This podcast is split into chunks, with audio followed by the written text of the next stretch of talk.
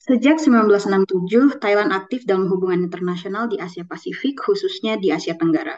Hal ini dibuktikan dari Thailand sebagai salah satu founding fathers dari Association of Southeast Asian Nations. Dengan rekam jejak itu, timbul pertanyaan mendasar bagaimana hubungan internasional Thailand pada saat kontemporer saat ini. Selamat datang kembali di episode kedua dari musim terbaru International Relations School bersama aku, Gevira Anedin. Episode kali ini didukung oleh International Relation Infographic Space, Forum OSIS Nasional, dan Peace Conflict Development Study Center. Special thanks juga kepada PPI Thailand yang sudah menjadi wadah untuk kami berkolaborasi bersama. Pada kesempatan kali ini kita bakal membahas mengenai hubungan internasional di Thailand, dan kali ini aku ditemani oleh Kak Takwela yang merupakan mahasiswa di Tamasat University di Thailand. Hai Kak Ella. Halo Kak. Halo. Oke. Nah, mungkin kita bisa um, langsung aja ya, Kak. Jadi, pertama-tama aku mau nanya nih, bagaimana nih kisah kakak yang bisa menempuh studi hubungan internasional di Thailand? Baik, jadi pertama ini sebenarnya berdasarkan latar belakang saya yang sebelumnya saya merupakan uh, alumni HIUB. Uh, terus dulu tuh kayak di HI sering bikin paper-paper gitu kan. Nah, uh, Iya. ketika kuliah di HI dulu tuh sering belajar tentang isu-isu internasional, nggak cuma belajar tentang satu negara, tapi kayak uh, meluas, mengglobal gitu. Terus setelah lulus, saya bekerja jadi freelancer dan tutor skripsi bagi mahasiswa disabilitas selama setahun. Nah, setelah setahun itu tuh tiba-tiba saya tuh kayak kepikiran pengen memperdalam eh, dan mempersempit kayak memperspesifikkan eh, penelitian saya. Jadi kayak pengen belajar lebih dalam tentang studi HI terutama tentang Asia Pasifik. Nah, Hmm. kemudian saya cari banyak informasi tentang beasiswa luar negeri karena memang udah impian dari lama sih. Terus habis itu eh, kayaknya waktu itu kayak merasa Thailand tuh banyak banget informasi beasiswa, banyak buka pendaftaran beasiswa dan banyak universitas yang menawarkan beasiswa yang menarik. Terus habis itu kebetulan juga nih dari te- teman HIUB tuh ada yang udah kuliah duluan di MAPS Tamasat. Jadi di jurusan aku ini eh, teman aku udah daftar duluan. Nah, terus dia rekomendasiin. Tapi karena aku mikir daftar tuh nggak cuma satu, jadi aku daftar dua di Thammasat University sama Chiang Mai.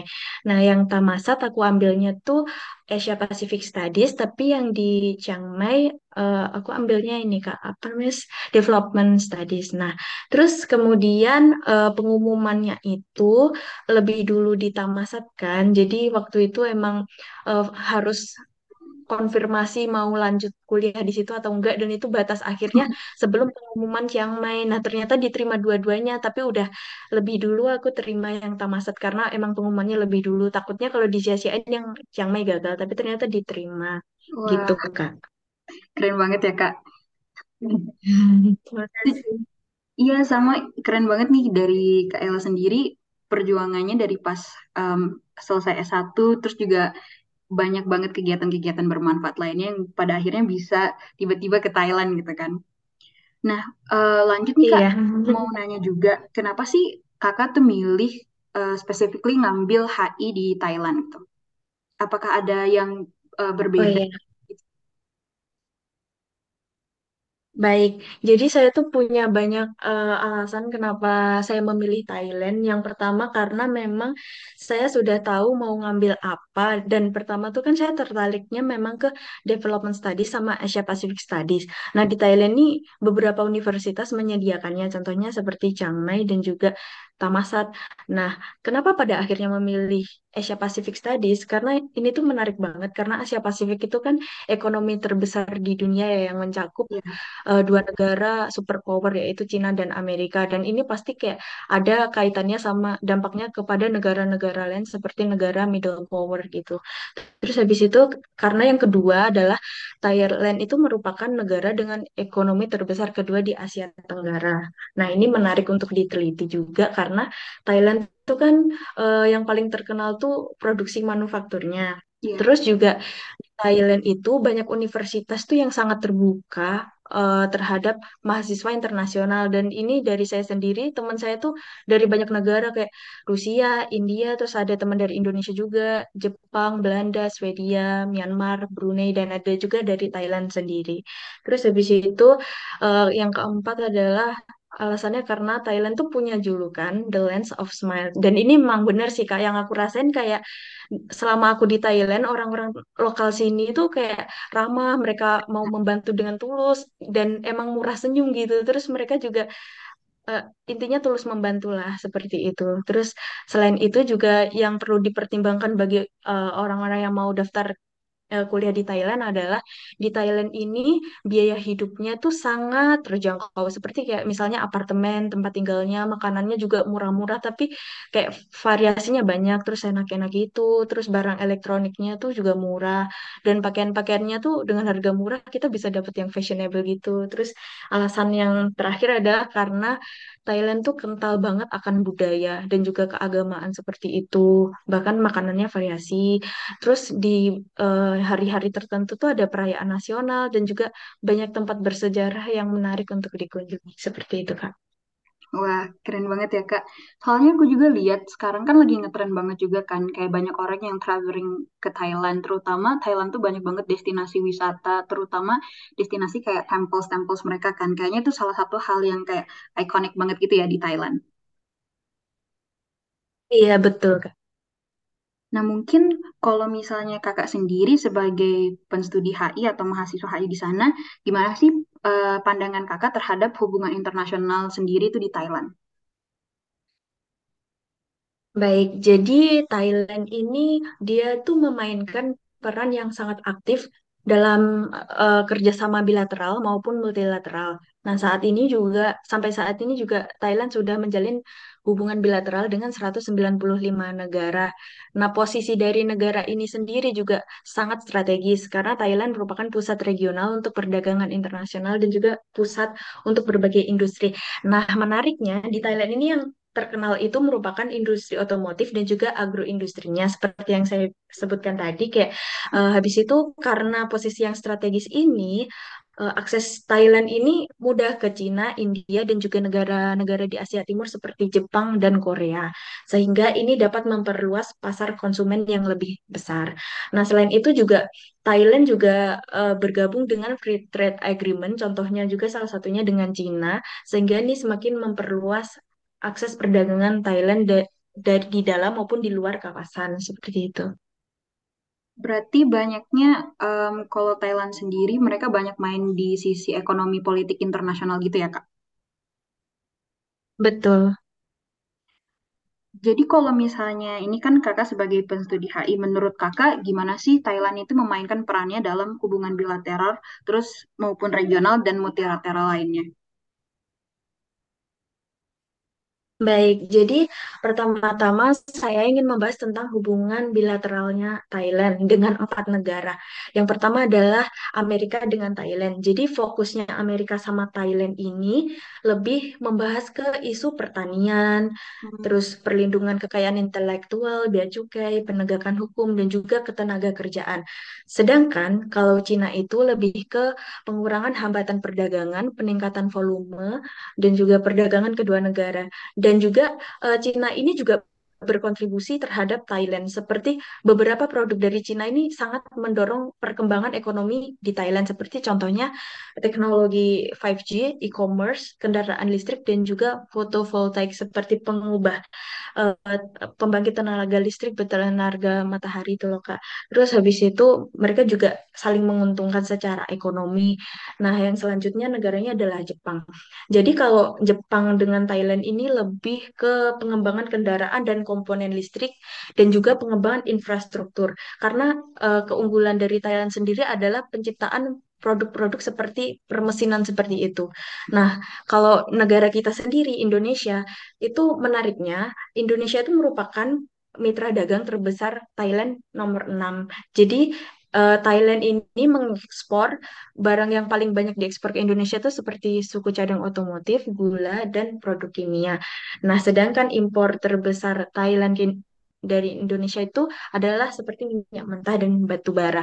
Tidak hanya itu, menurut saya yang paling menarik adalah seperti yang kita ketahui kan banyak Kak turis-turis dari Indonesia yang Ya, ke Thailand karena merasa Thailand tuh kayak negara yang destinasi menarik untuk eh, para wis- wisatawan nggak cuma dari kuliner tapi fashion dan juga tempat-tempat bersejarahnya itu menarik banget. Mereka tuh timbal balik. Jadi kayak juga eh, Thailand turis Thai- Thailand juga mengunjungi Indonesia dan turis Indonesia mengunjungi Thailand seperti itu. Dan ini berpengaruh pada eh, pertumbuhan ekonomi negara kan Kak. iya betul. Terus sedangkan yang regional itu lebih ke Thailand ini lebih ke implementasi dalam hal kerangka kerjasama ASEAN. Nah, Mm, selain itu, Thailand memiliki peran yang sangat signifikan, yaitu mendekati atau memperkuat hubungan dengan negara mid- middle power, contohnya seperti Indonesia. Tapi tidak hanya middle power juga, tapi Thailand juga mendekati negara superpower, yaitu eh, Cina dan Amerika. Nah, kemudian sedangkan peran Thailand dalam hubungan multilateralnya itu adalah Thailand lebih ke mengimplementasikan kerangka kerjanya PBB eh, tidak hanya di dalam negeri tapi juga secara internasional dan tidak hanya itu dia juga le- mengimplementasikan Asia Pacific Economic Cooperation dan juga ASEAN. Seperti itu, Kak. Keren banget ya Kak. Soalnya aku juga ngelihat kan, eh, terutama kan dalam sisi regional sendiri kan, em, Thailand kan sebagai salah satu founding fathers di ASEAN juga, dan dengan apa yang Kakak jabarkan tadi, Betul. itu tuh kayak menunjukkan banget kalau Thailand tuh punya pengaruh yang begitu signifikan, terutama di ASEAN kan salah satu tujuan didirikan ASEAN itu khususnya adalah untuk mempermudahkan ya dalam apa dalam bidang ekonomi kan kerjasama ekonomi dan aku ngelihat terutama belakangan ini memang Thailand dan Indonesia tuh dalam eh, segi ekonomi banyak banget berkontribusi khususnya di segi regional gitu. Betul, Kak, betul. Nah, karena kan kita tadi juga udah ngomongin banyak banget hal ya Kak. Kayak udah banyak juga dari Kak Ella jelasin tentang bagaimana peran Thailand terutama dalam hubungan bilateralnya, regional serta multi, eh, multilateral dan itu kebanyakan banyaknya itu dalam segi ekonomi. Nah, untuk mungkin eh, meringkas semua dari pembicaraan kita, mungkin ada nggak closing statement dari Kak Ella sendiri mengenai hubungan internasional di Thailand di masa depan?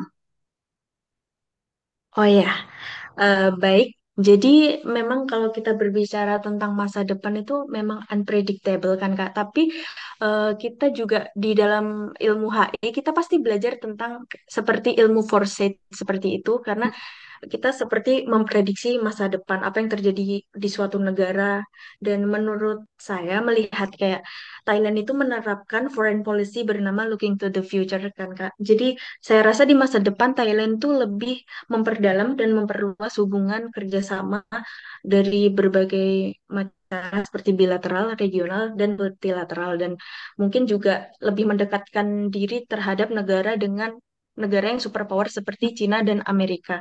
Kan memang Thailand paling dekat memang pertama sama Cina dan Amerika itu kan Kak. Terus habis itu dengan Jepang. Nah juga saya rasa juga untuk industri manufakturnya bersaing akan sangat kompetitif dengan Indonesia yang merupakan sama-sama negara industri ya Kak. Terus Iya, habis itu saya rasa juga di masa depan Thailand itu akan lebih aktif dan tetap bertanggung jawab untuk berpartisipasi penuh dalam organisasi internasional yang diikuti-ikutinya dalam mengatasi permasalahan global. Nah, masalah global ini banyak kayak misalnya tentang gender, kayak keamanan internasional, misalnya mungkin cyber security atau ekonomi, banyak hal lagi atau terorisme, bahkan seperti itu. wah, ini kita udah banyak belajar banget ya di episode ini, terutama untuk Thailand sendiri. Iya. Soalnya, um, jujur ya Kak, kayak aku sendiri tuh jarang banget ngedenger kayak, uh, terutama kan kalau untuk episode ini kan kita banyak banget fokus di Thailand gimana um, hubungan internasionalnya. Soalnya Iya, rata kalau misalnya kayak, terutama di sekolah ya gitu, kayak pas kuliah, kita banyak lebih banyak terekspos iya, oleh negara-negara superpower kan. Sedangkan negara-negara di Asia Tenggara nih agak betul, gitu kecuali kalau kita memang ngambil kayak kakak kan uh, studi kawasan gitu khususnya di uh, kawasan Asia gitu. betul. Jadi ini uh, aku sangat-sangat senang banget karena ada banyak banget insight yang bisa kita ambil.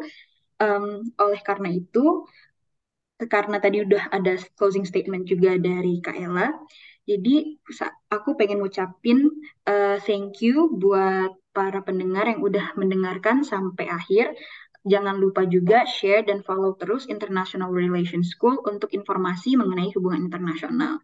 Nah, mungkin um, Kak Ella mau kasih sedikit closing statement pribadi dari Kak Ella, boleh? Boleh.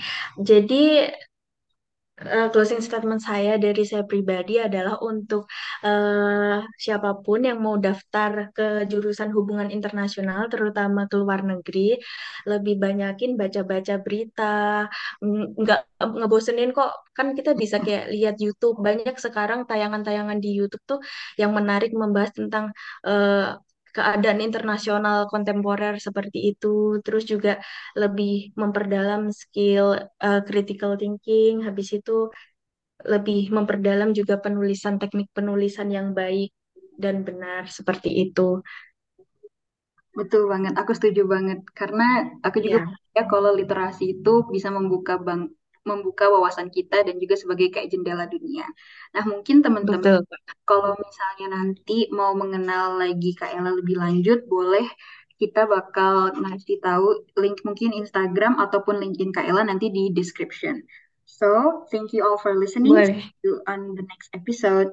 Bye.